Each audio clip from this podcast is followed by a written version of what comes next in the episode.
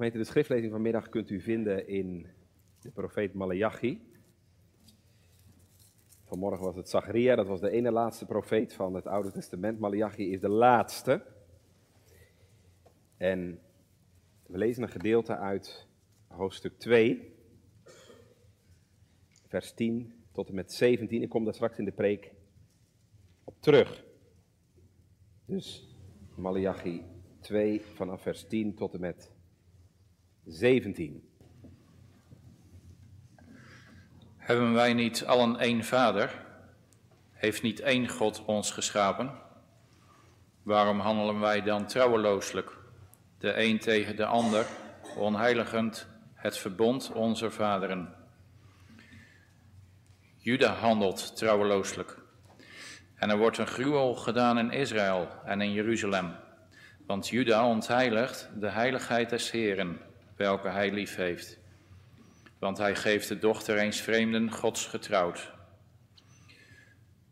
De Heere zal de man die zulks doet uitroeien uit de hutten Jacobs. Dien die waakt en dien die antwoordt. En die de Heere der Heerscharen spijsoffer brengt. Dit tweede doet gij lieden ook, dat gij het altaar des Heeren bedekt met tranen, met wening en met zuchting, zodat hij niet meer het spijsoffer aanschouwen, noch met welgevallen van uw hand ontvangen wil. Gij nu zegt waarom? Daarom dat de Heere een getuige geweest is tussen u en tussen de huisvrouw uw jeugd, met de welke gij trouwelooselijk handelt. Daar zij toch uw gezellin en huisvrouw uws verbonds is. Heeft hij niet maar eens gemaakt, hoewel hij des geestes overig had? En waarom maar die ene? Hij zocht een zaad gods. Daarom wacht u met uw geest, en dat niemand trouwelooselijk handel tegen de huisvrouwen zijner jeugd. Want de Heere, de God Israëls, zegt dat hij het verlaten haat Alhoewel hij de wrevel bedekt met zijn kleed, zegt de Heere der Heerscharen, daarom wacht u met uw geest, dat ge niet trouwelooselijk handelt. Gij vermoeit de Heere met uw woorden, nog zegt gij, waarmede vermoeien wij hem? Daarmede dat gij zegt, al wie kwaad doet is goed in de ogen des Heeren, en hij heeft lust aan zodanigen. Of waar is de God des oordeels? Gemeente, wij gaan dus vanmiddag verder met de prekenserie over het zevende gebod. De afgelopen drie keer stilgestaan bij het huwelijk. Um, de eerste keer ging het over wat de Bijbel zegt over het huwelijk. Vervolgens hebben we twee keer nagedacht over het leven in het huwelijk als man en vrouw. Ja, vandaag gaat het over best wel een verdrietig onderwerp. Als we gaan nadenken over de ontbinding van het huwelijk. De gemeente, dat is natuurlijk een onderwerp waar we het liefst met een grote boog omheen zouden willen lopen. Want wat doet dat een pijn als een huwelijk tussen twee mensen ontbonden wordt? Als een man en een vrouw die van elkaar gehouden hebben, die in elkaar geloofd hebben, die elkaar vertrouwd hebben, die elkaar geliefd hebben, als die van elkaar scheiden. Wat een pijn, verdriet, rouw en gebrokenheid dat veroorzaakt. Bij partners natuurlijk in de eerste plaats, maar net zo goed bij hun omgeving. De kinderen, ouders, broers, zussen. Dus u snapt wel gemeente, dit is natuurlijk een beladen onderwerp wat je het liefst zou willen vermijden. Want zomaar kunnen oude wonden weer opengaan. Zomaar kunnen pijnlijke herinneringen weer naar boven komen als we vanmiddag over dit onderwerp spreken. En ik weet niet, ik kan niet beloven dat ik dat vanmiddag kan vermijden. Weet dan wel in elk geval, gemeente, dat dat niet mijn bedoeling is. Mijn bedoeling, en dat is ook mijn roeping van de Heer, is het woord te laten spreken. Maar nooit om pijn te doen, en ook niet om te beschuldigen of mensen nog een beetje dieper in de put te brengen. Want wie zonder zonde is, werpen de eerste steen. Ik spreek vanmiddag als zondaar tegen zondaren. En wij zitten hier allemaal vanmiddag als zondaren voor God. Maar ik sta hier wel gemeend om vanmiddag duidelijkheid te scheppen. Want ja, hoe makkelijk het misschien ook is om het er maar niet over te hebben, daar zijn wij natuurlijk niet mee geholpen. De Bijbelgemeente is een woord van God voor het hele leven. Voor het hele leven. En dat woord werpt ook licht over moeilijke en pijnlijke dingen. En ook daarin, gemeente, wil God ons de weg wijzen. Dat is belangrijk, ook trouwens, ik zei het al in mijn gebed, ook trouwens om schade te voorkomen. Hè? als wij willen voorkomen dat huwelijken stranden, is het zo belangrijk dat we de wil van de Heer kennen. En ook als dat wel gebeurd is, als een huwelijk wel strandt, wat is het dan belangrijk dat we voorzichtig en behoedzaam zijn in ons oordeel? Omdat ik wel gemerkt heb door de loop der jaren dat situaties soms zo ongelooflijk ingewikkeld en complex zijn. En we nooit moeten vergeten, zelfs, zelfs als alles verbroken lijkt, dat we nog mogen zeggen, maar de Heer staat erboven. En dan nog is God bij macht om uit het kwade iets goeds voor te laten komen. Zo is de Heer. God die in de meest hopeloze situaties uitkomst kan geven. En die zelfs als er geen uitkomst of oplossing meer is, nochtans genade en vergeving kan schenken. Nou, laten we vanuit die houding, laten we vanuit die houding gemeente vanmiddag naar deze stof kijken. Dus niet om te beschadigen, maar wel om het licht van Gods woord te laten vallen over deze moeilijke materie. Gij zult niet echt breken, is het zevende gebod. En ik doe dat aan de hand van drie gedachten. In de eerste plaats letten we, wat zegt de Bijbel eigenlijk over echtscheiding? Onze eerste gedachte, wat zegt de Bijbel over echtscheiding? In de tweede plaats, onder welke omstandigheden is echtscheiding toegestaan? En in de derde plaats, hoe kunnen we echtscheiding voorkomen? Dus wat zegt Gods woord over echtscheiding? Onder welke omstandigheden is echtscheiding toegestaan? En hoe echtscheiding voorkomen kan worden? Gemeente, er staat bij mij thuis in de boekenkast een klein boekje. Met als titel: Echtscheiding kwam in mijn woordenboek niet voor. En ik denk dat dat bij heel veel mensen zo is. Echtscheiding kwam in mijn woordenboek niet voor. Ik heb tientallen stellen mogen trouwen. Die bij mij op de bank zaten in de studeerkamer en die uitkeken naar hun trouwdag. En niemand die bij mij op de bank zit, gaat ervan uit dat hij gaat scheiden. Nee. Nee, want je trouwt niet om te scheiden. En toch gemeente, de harde, bittere werkelijkheid is dat het wel gebeurt. Vorig jaar bijna 26.000 keer. 26.000 keer. Dat zijn dus 52.000 mensen die van elkaar gehouden hebben, die elkaar omhelst hebben, die elkaar liefde en trouw hebben beloofd en waar het toch niet lukte. Gemeente, wat een hartverscheurende pijn. En u weet het misschien wel van dichtbij. Wat maakt het veel los als twee levens die aan elkaar gehecht waren, losgescheurd worden? Het brengt zoveel emotie met zich mee: pijn, verdriet, boosheid, woede, eenzaamheid, angst,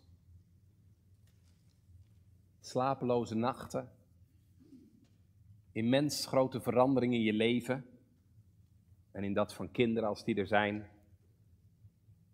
Kinderen die ineens hun papa en mama niet meer bij elkaar zien. Kinderen die ook verdriet hebben, allerlei zekerheden ineens verliezen. Soms verhuizen moeten, naar een andere school moeten. Heen en weer pendelen tussen vader en moeder. Misschien weet je wel vanmiddag wat dat is. Misschien weet je dat wel. Dan beseffen andere mensen niet half wat jij hebt doorgemaakt. En waar je doorheen moet. Jongens en meisjes, als dat zo is bij jou, dan wil ik zeggen, er is er één die het wel weet. Dat is de Heer. je mag alles bij hem brengen wat je pijn doet. Wat je moeilijk vindt. De Heer ziet de moeite en het verdriet. En je mag het in zijn handen leggen. En jongens en meisjes, als vanmiddag jouw papa en mama nog bij elkaar zijn, dan zou ik zeggen, dank de Heer daar vanavond maar voor, voordat je gaat slapen. Maar dat vinden we heel gewoon natuurlijk, maar dat is niet zo gewoon. Dat is een geweldige zegen als jouw papa en mama nog bij elkaar zijn. Want er zijn heel veel kinderen in Nederland die dat niet meer hebben. En als jij ze misschien kent, dan zou ik zeggen, zorg maar goed voor ze. En bid alsjeblieft dat jouw papa en mama veel van elkaar houden zullen. En, en goed voor elkaar zullen zorgen. Want een huwelijk is niet om te ontbinden, maar om levenslang verbonden te zijn, totdat de dood ons scheidt. Dat hebben we gezien. Zo was het de bedoeling van de Heer. Man zal zijn vader en moeder verlaten en zijn vrouw aanhangen. En we hebben gezien, het huwelijk is een verbond. En gemeente, een verbond verbreek je niet. Dat doet God ook niet. En wij mogen dat ook niet doen. Maar gemeente, u weet, er is iets gebeurd. Er is iets gebeurd. Wij hebben het verbond met God verbroken. En sindsdien leven wij in een wereld waarvan alles breekt. Een gebroken wereld. Waarvan alles breekt. En je weet, de zonde heeft zijn intrede gedaan. Ook in huwelijken en relaties. En dan zie je gemeente, dat zie je al in de Bijbel, dat mooie plan van God met man en vrouw. Dat bleek voor velen niet vol te houden. We komen het allemaal tegen in de Bijbel. Polygamie. Ontrouw. Overspel. De Bijbel is eerlijk, de Bijbel is er vol van. We zien in de Bijbel al dat de zonde grote druk uitoefent op huwelijken en relaties. Al in Genesis 4 komen we Lamech tegen, met meerdere vrouwen. En we lezen over grote spanningen in het huwelijk van Abraham en Sarah. En we lezen over als Hagar erbij komt.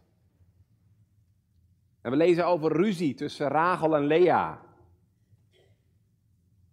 Het is niet meer zoals het was en zoals het moet zijn. We komen dat in de Bijbel al tegen, dat huwelijken stuk gaan. Vandaar ook dat we in het Oude Testament regelingen lezen hoe je daarmee om moet gaan. Ik ga mijn eerste punt hè, samen met u kijken wat de Bijbel zegt. Ik ga zomaar even een paar gedeeltes langs uit het Oude en Nieuwe Testament. En dan lezen we gemeente in Deuteronomium 24 dat een man zijn vrouw een scheidbrief kon geven, een echtscheidingsbrief. Mocht je niet zomaar doen.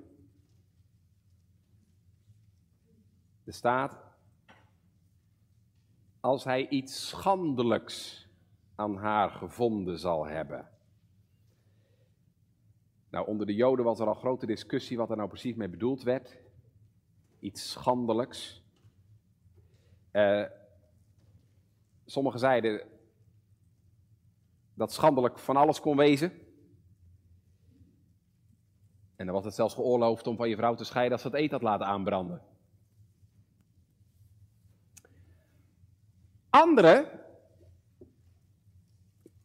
en ik denk dat dat dichter bij de waarheid is, Anderen betrekken dat woord schandelijk in Deuteronomium 24 op schandelijk seksueel gedrag.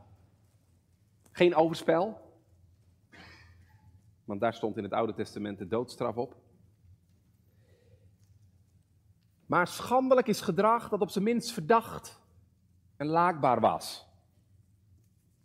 bijvoorbeeld dat je flirte met een andere man of zo. In die situaties, als hij iets schandelijks eraan bevonden heeft, staat er, dan was echtscheiding onder bepaalde omstandigheden toegestaan. Maar het had zeker niet gemeente de goedkeuring van God. Jezus zegt later in Matthäus 19, Mozes heeft vanwege de hardheid van uw harten u toegestaan uw vrouwen te verlaten, maar van den beginnen is het al zo niet geweest.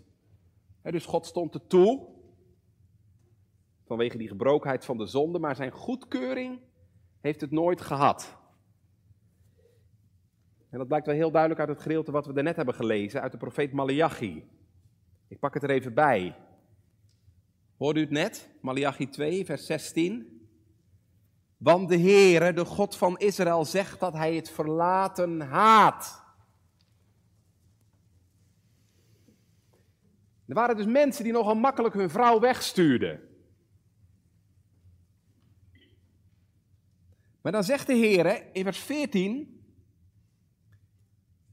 dat hij getuige is geweest tussen u en de huisvrouw van uw jeugd, met wie u trouweloos handelt, terwijl ze toch je gezellin en de huisvrouw van uw verbond was.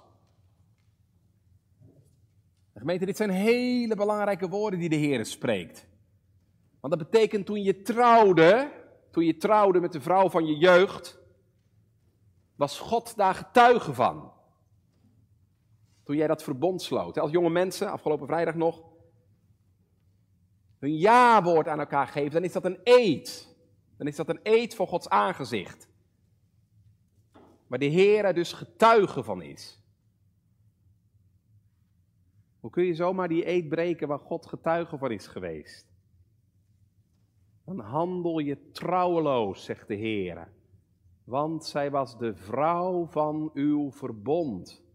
Weet je nog, met wie je een verbond had gesloten voor het leven. Dus gemeente, al kwam echtscheiding voor in het Oude Testament, het had nooit Gods instemming en goedkeuring. Je zou kunnen zeggen, het was een noodconstructie in geval van nood. En datzelfde gemeente zien we ook in het Nieuwe Testament. En dan ga ik even met u naar Matthäus 19 waar de Heer Jezus zelf zich uitlaat over de echtscheiding. Wat is er aan de hand in Matthäus 19? Ik ga even naar vers 1. Dan lezen we dat de fariseeën naar de Heer Jezus toekomen om hem te verzoeken. Ze leggen een strikvraag aan hem voor. En ze vragen, in vers 3, is het de mens geoorloofd zijn vrouw te verlaten om allerlei oorzaken, om allerlei redenen?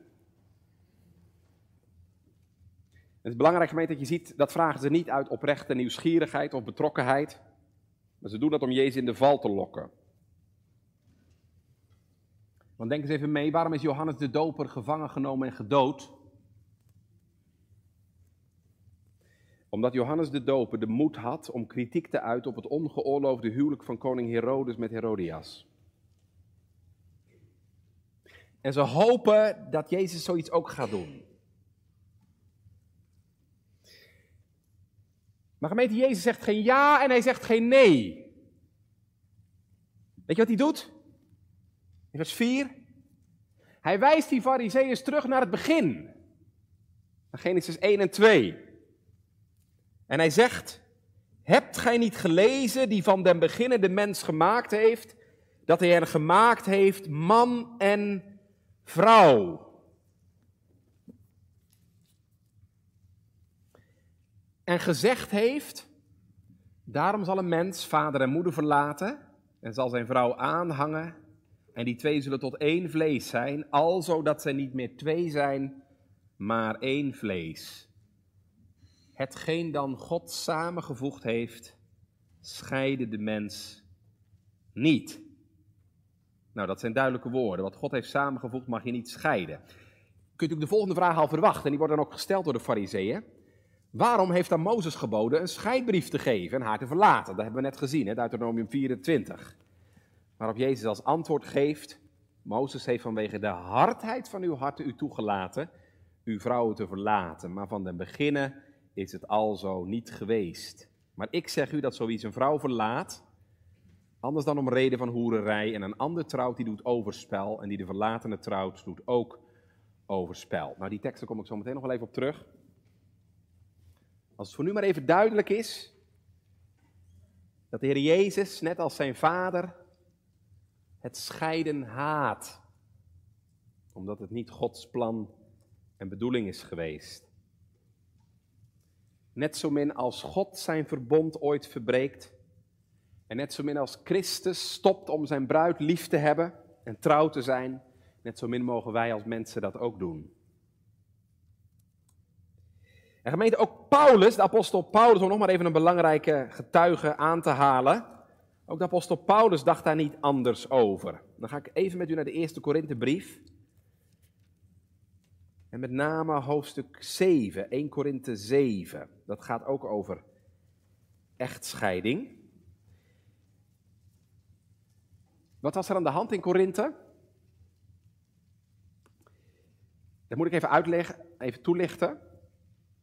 In de gemeente van Korinthe waren christenen die samenleefden met een heiden. Moet je je voorstellen, die mensen waren tot geloof gekomen. De Heer Jezus, die hadden totaal geen christelijke achtergrond natuurlijk zoals wij. Die mensen waren tot geloof gekomen, de Heer Jezus. Maar hun man of vrouw was dat niet. Dus een gemengd huwelijk. Gelovige man, ongelovige vrouw of andersom. Ze vonden dat maar lastig. En daarom waren de mensen in de gemeente die zeiden: joh, je kunt maar beter uit elkaar gaan. Maar het is opvallend dat Paulus zegt: doe dat niet. Niet doen. Zolang je man of vrouw niet zelf bij jou weggaat, gewoon bij hem blijven. wie weet wat voor positieve uitwerkingen je nog op hem kunt hebben.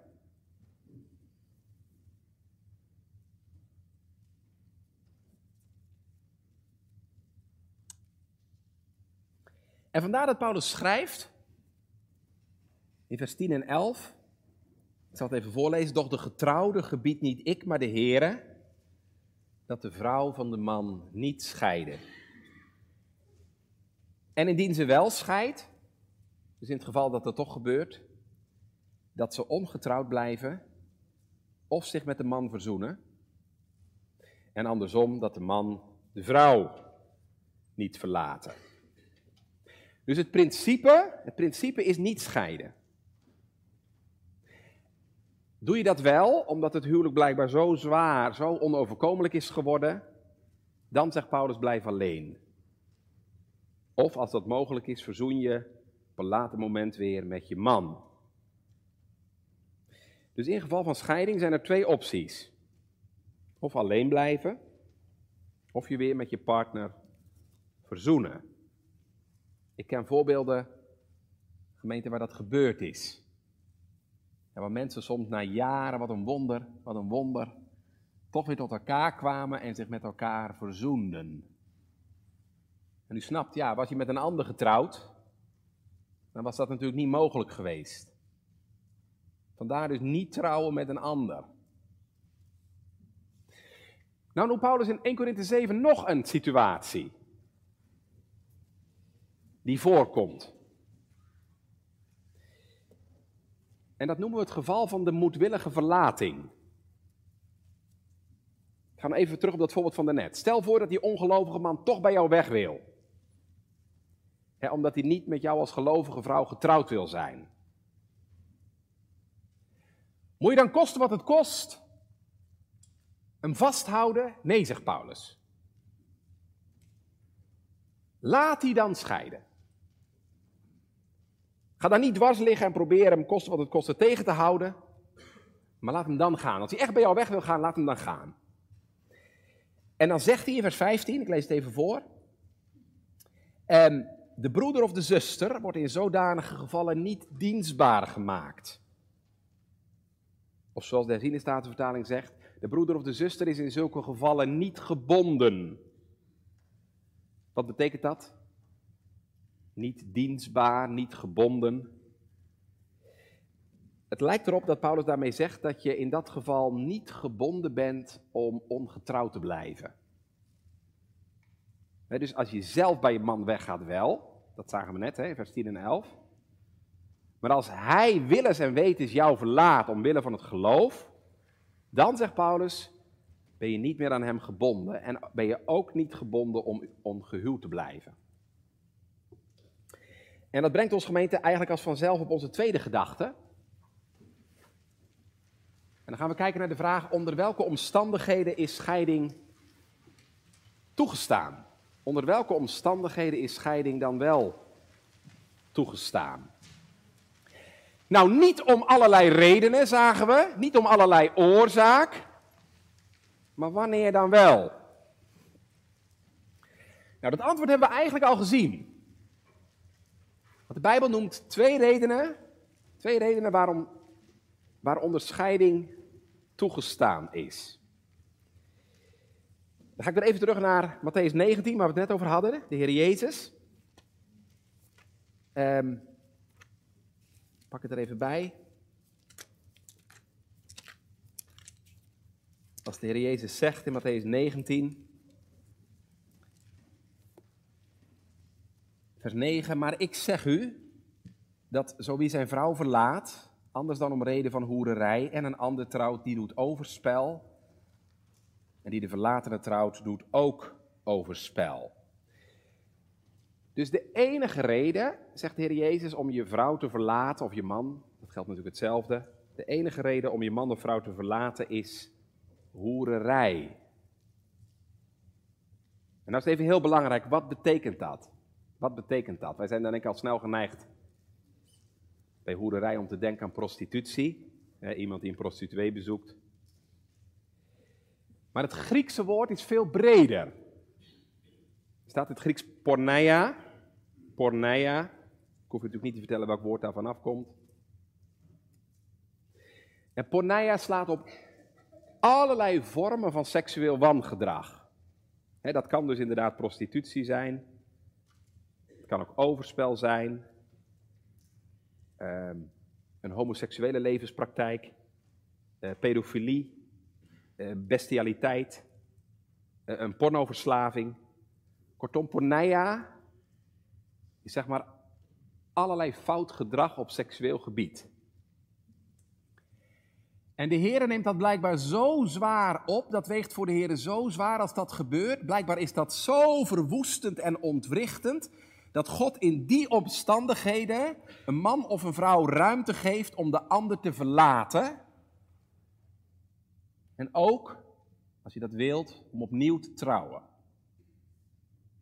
Gemeente, we zien hier eventjes in deze woorden hoe, hoe diep en hoe heilig voor God seksualiteit is. Seksualiteit is echt alleen maar van twee mensen.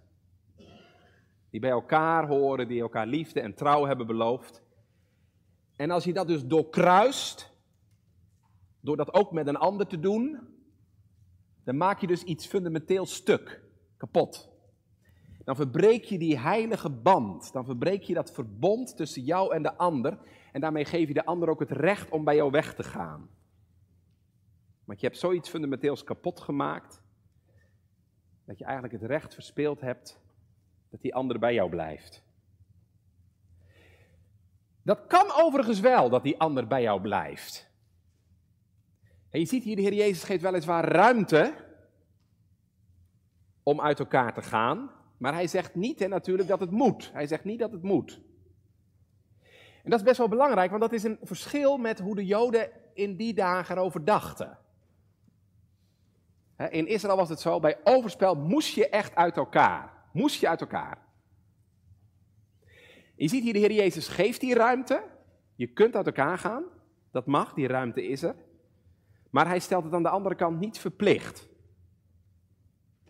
Als bijvoorbeeld de ene partner voor de ander in de schuld komt, zijn schuld van een harte beleid, en je man of vrouw is bereid om dat te vergeven, en natuurlijk ook daadwerkelijk te breken met die zonde, met dat verkeerde gedrag.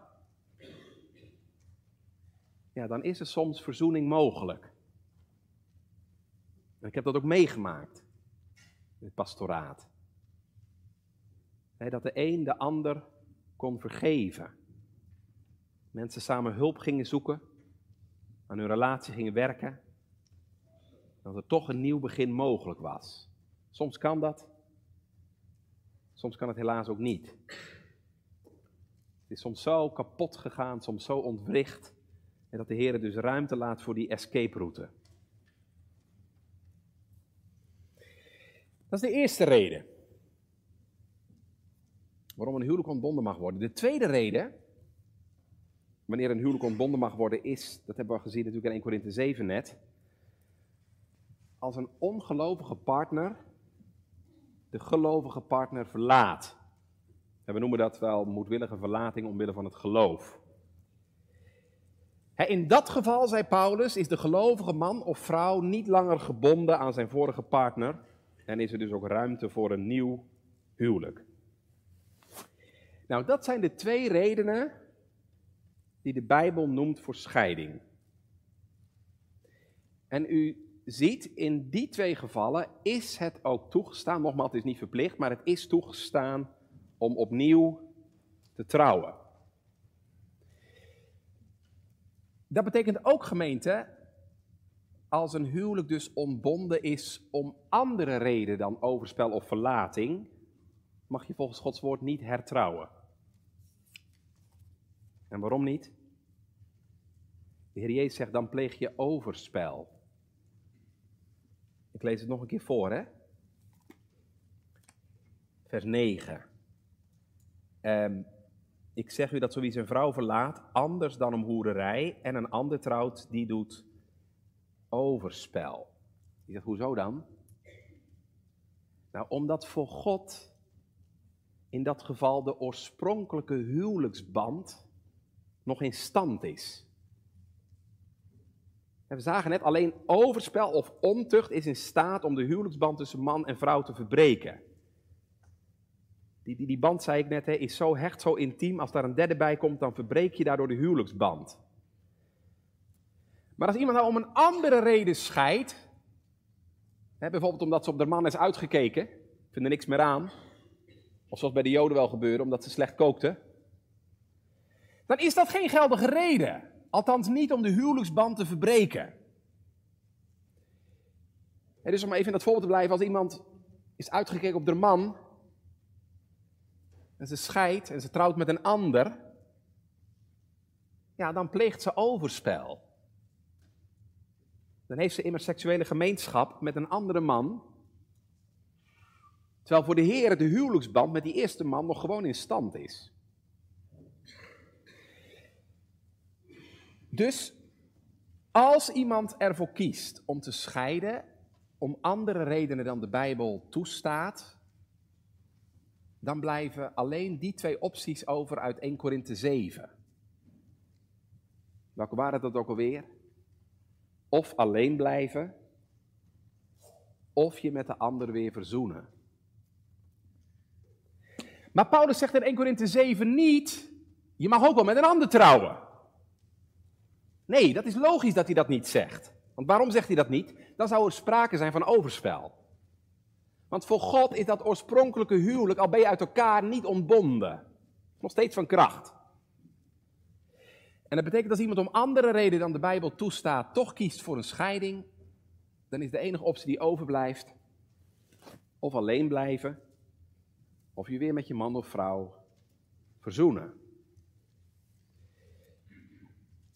Dus al die mensen ook in de gereformeerde gezinten die het volstrekt normaal vinden dat je scheidt en over een jaar weer met een ander loopt, zonder dat daar een bijbelse reden voor was, die zitten er dus naast. Ja, maar dat kun je toch niet van mensen vragen? Dat is toch hartstikke onbarmhartig? Dat is toch onbarmhartig om van iemand te vragen dat hij voor de rest van zijn leven alleen moet blijven? Lieve gemeente, dat is denken vanuit de mens, wat we dan doen. En ik snap, dat klinkt heel goed en dat klinkt heel vriendelijk en dat doet het ook goed. Dat klinkt heel barmhartig, maar het is levensgevaarlijk. Want het is denken vanuit de mens. Want het kan er zomaar toe leiden, kan er zomaar toe leiden dat mensen zonder dat de Heer dat toestaat aan een nieuwe relatie beginnen. En dat is heel gevaarlijk, zagen we net, want A, je sluit ermee een eventuele verzoening of terugkeer definitief af. En B, het zorgt er ook nog eens voor dat je voor God feitelijk overspel pleegt. Ja, zegt u. Maar nou, wat als dat toch gebeurd is? Wat als dat toch gebeurd is? als mensen nou toch die stap hebben genomen en tot een nieuw huwelijk zijn gekomen. Moet het dan alsnog maar uit elkaar gaan? Nee, dat zal ik niet zeggen. Er zijn mensen die dat zeggen, maar dat lijkt mij niet wijs, dat lijkt mij niet verstandig. want dan ben ik bang dat je de schade alleen nog maar veel groter gaat maken. Het is soms ook pure onwetendheid waarin mensen die stap hebben genomen. Er is in dat geval wel sprake van een echt huwelijk. Jezus zegt ook hier niet voor niks. Heeft hij het wel over een huwelijk, hè? Als hij zegt in vers 9, en een ander trouwt. Het is wel een huwelijk. Maar het is wel belangrijk, gemeente, dat je die verkeerde stap inziet. Dat je dat ook als schuld beleidt aan de heren. Heren, dit had zo niet gemoeten. Het had zo niet gemogen. Dit is niet zoals u het bedoeld hebt.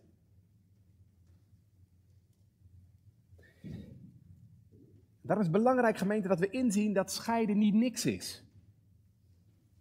We hebben gezien vanmorgen, vanmiddag, het is soms nodig. Maar het is altijd een noodzakelijk kwaad. En wij mogen het kwaad nooit goed heten. Laat het alsjeblieft niet zien als een soort makkelijke oplossing. Een oplossing om er van de problemen af te zijn. Want dat is het niet. Iedereen die het heeft meegemaakt, of iedereen die het in zijn nabije omgeving heeft meegemaakt, weet hoe zwaar het is en weet hoeveel pijn dat met zich meebrengt. En in onze samenleving wordt het soms te makkelijk gezien als een oplossing. Terwijl er soms ook andere mogelijkheden zijn die nog niet uitgeprobeerd zijn. Andere mogelijkheden die soms de overweging waard zijn. En soms kan het al ontzettend helpen als mensen even een time-out nemen. dat je een poosje voor een bepaalde tijd uit elkaar gaat. En dan na verloop van tijd kijkt of er toch niet manieren zijn om weer verder te kunnen. Ik ken gevallen waar dat echt heeft geholpen. Of als dat er misschien niet in zit, een scheiding van tafel en bed. Voor langere tijd. Waarbij je niet bij elkaar leeft, maar nog wel getrouwd bent. Ook daar ken ik voorbeelden van, dat mensen na langere tijd toch weer bij elkaar mochten komen. Ik bedoel alleen maar even te zeggen, gemeente, er zijn ook nog andere opties dan die hele ingrijpende stap om een huwelijk te, te ontbinden. Maar het allerbeste is natuurlijk, gemeente, dat we er alles aan doen om een scheiding te voorkomen. En dan zou ik vanmiddag tegen iedereen die getrouwd is willen zeggen: doe er alles aan voor jezelf, voor de ander, voor je kinderen als je die hebt. Maar boven alles voor de Heer, doe er alles aan om een scheiding te voorkomen. Want voorkomen is echt altijd beter dan genezen. Het is ook een bijbelse opdracht van de Heer. Leef zoveel als in u is in vrede met uw naaste. Leef in vrede met je naaste. Wie staat je meer nabij dan je man of je vrouw? Ik zeg altijd tegen stellen, de jongeren weten dat wel als ik ze getrouwd heb. Ik zeg altijd tegen stellen, als er problemen zijn, kom er alsjeblieft mee. Trek alsjeblieft aan de bel. Want ik ben er echt van overtuigd, gemeente. Heel veel scheidingen zouden voorkomen kunnen worden als er tijdig hulp gezocht wordt. Het probleem is vaak dat we te vaak te laat komen. Als het al zo onherstelbaar is geworden dat er ook bijna niks meer te doen valt. En ik snap het heel goed, het is natuurlijk niet fijn. Het is niet makkelijk om met je problemen en zorgen naar buiten te treden. Maar in dit geval is het echt de moeite waard. Dus ik zou zeggen, zoek contact met een goede vriend, met een goede vriendin, begin daar maar mee. Zoek contact met predikant, of je ouderling. Maar deel het. Soms kunnen gesprekken met een hulpverlener ook goed doen. Maar modder vooral niet door. Want dan kun je erop wachten dat het misgaat. Gemeente, ook in de beste huwelijken zijn er momenten dat je wel eens denkt van, hoe kan ik ooit met jou verder?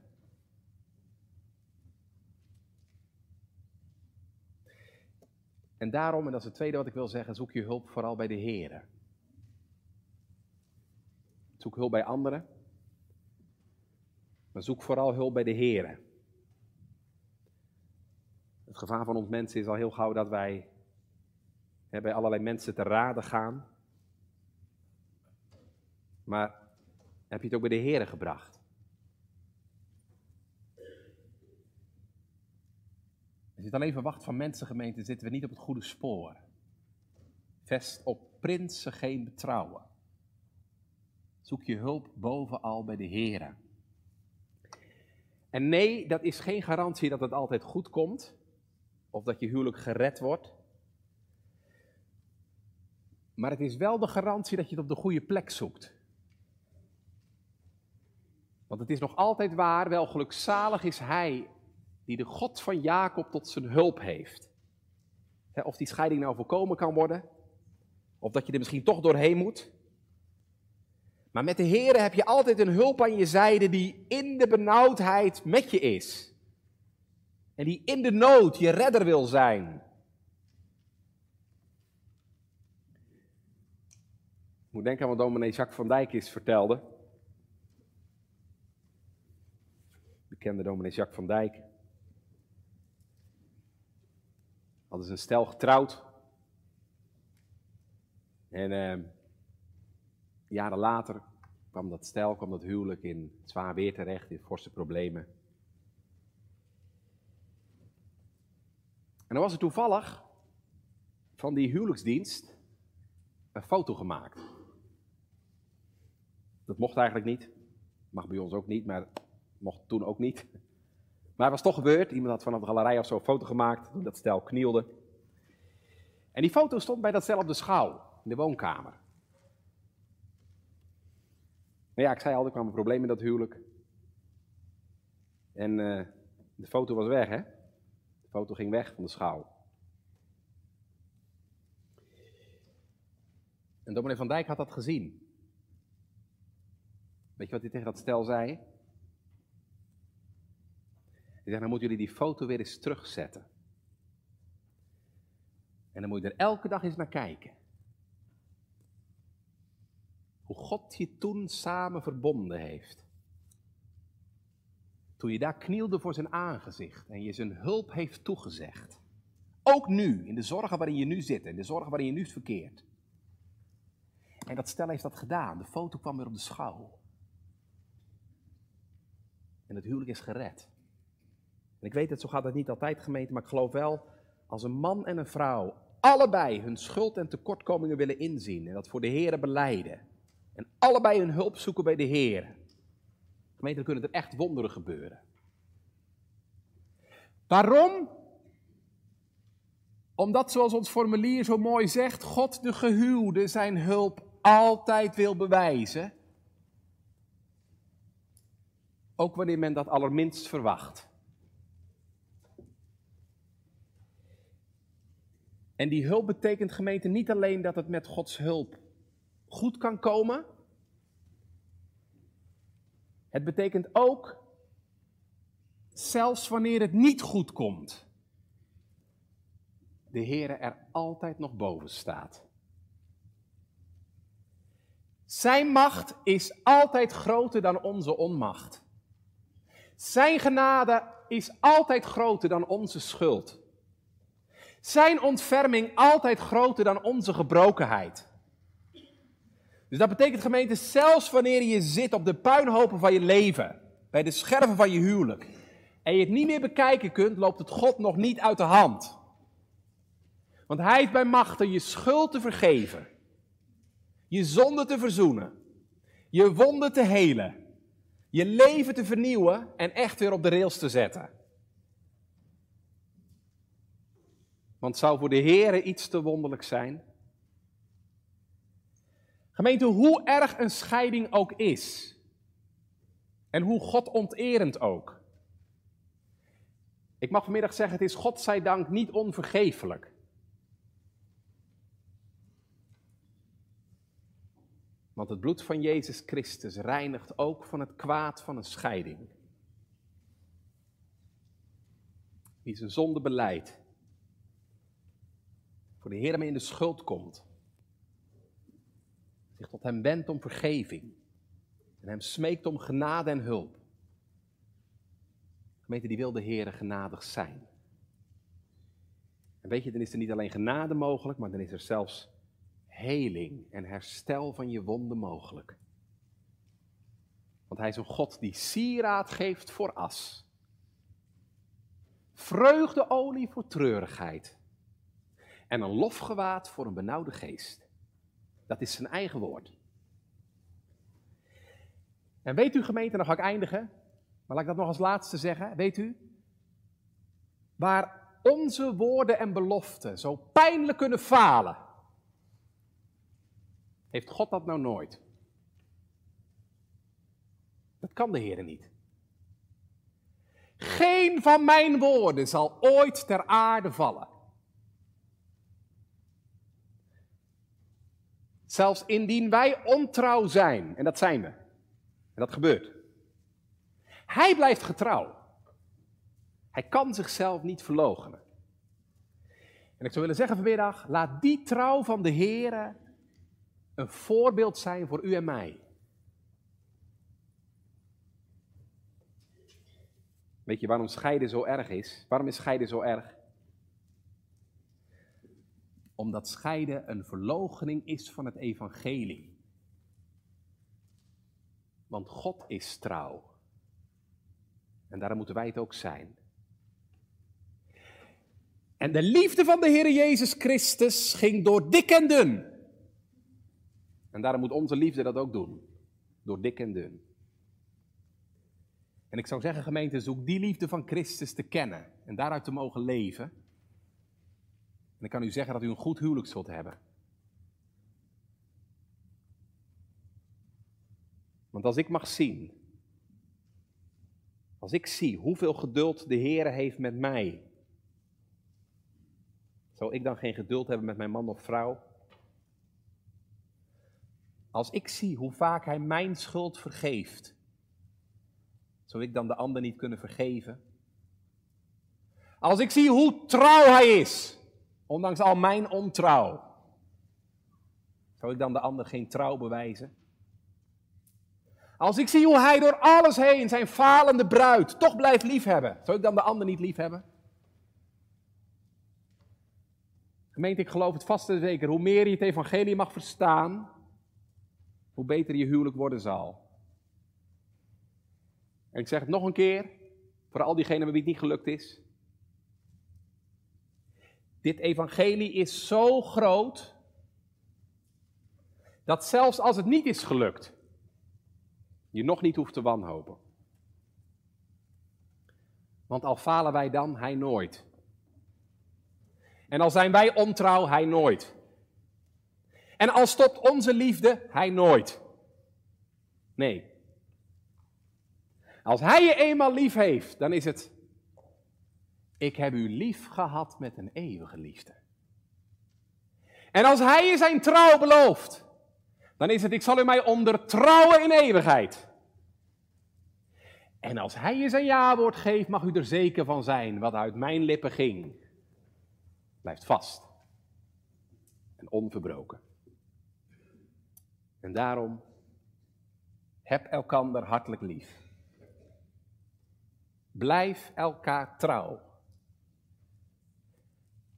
En zoekt u boven alles gemeente die liefde en die trouw te kennen. Waar de Heer van zegt, bergen zullen wijken. Heuvelen wankelen. Maar mijn goedertierenheid, mijn liefde, zal van u niet wijken. En niets zal u meer kunnen scheiden van de liefde van God in Christus Jezus, onze Heer. Amen.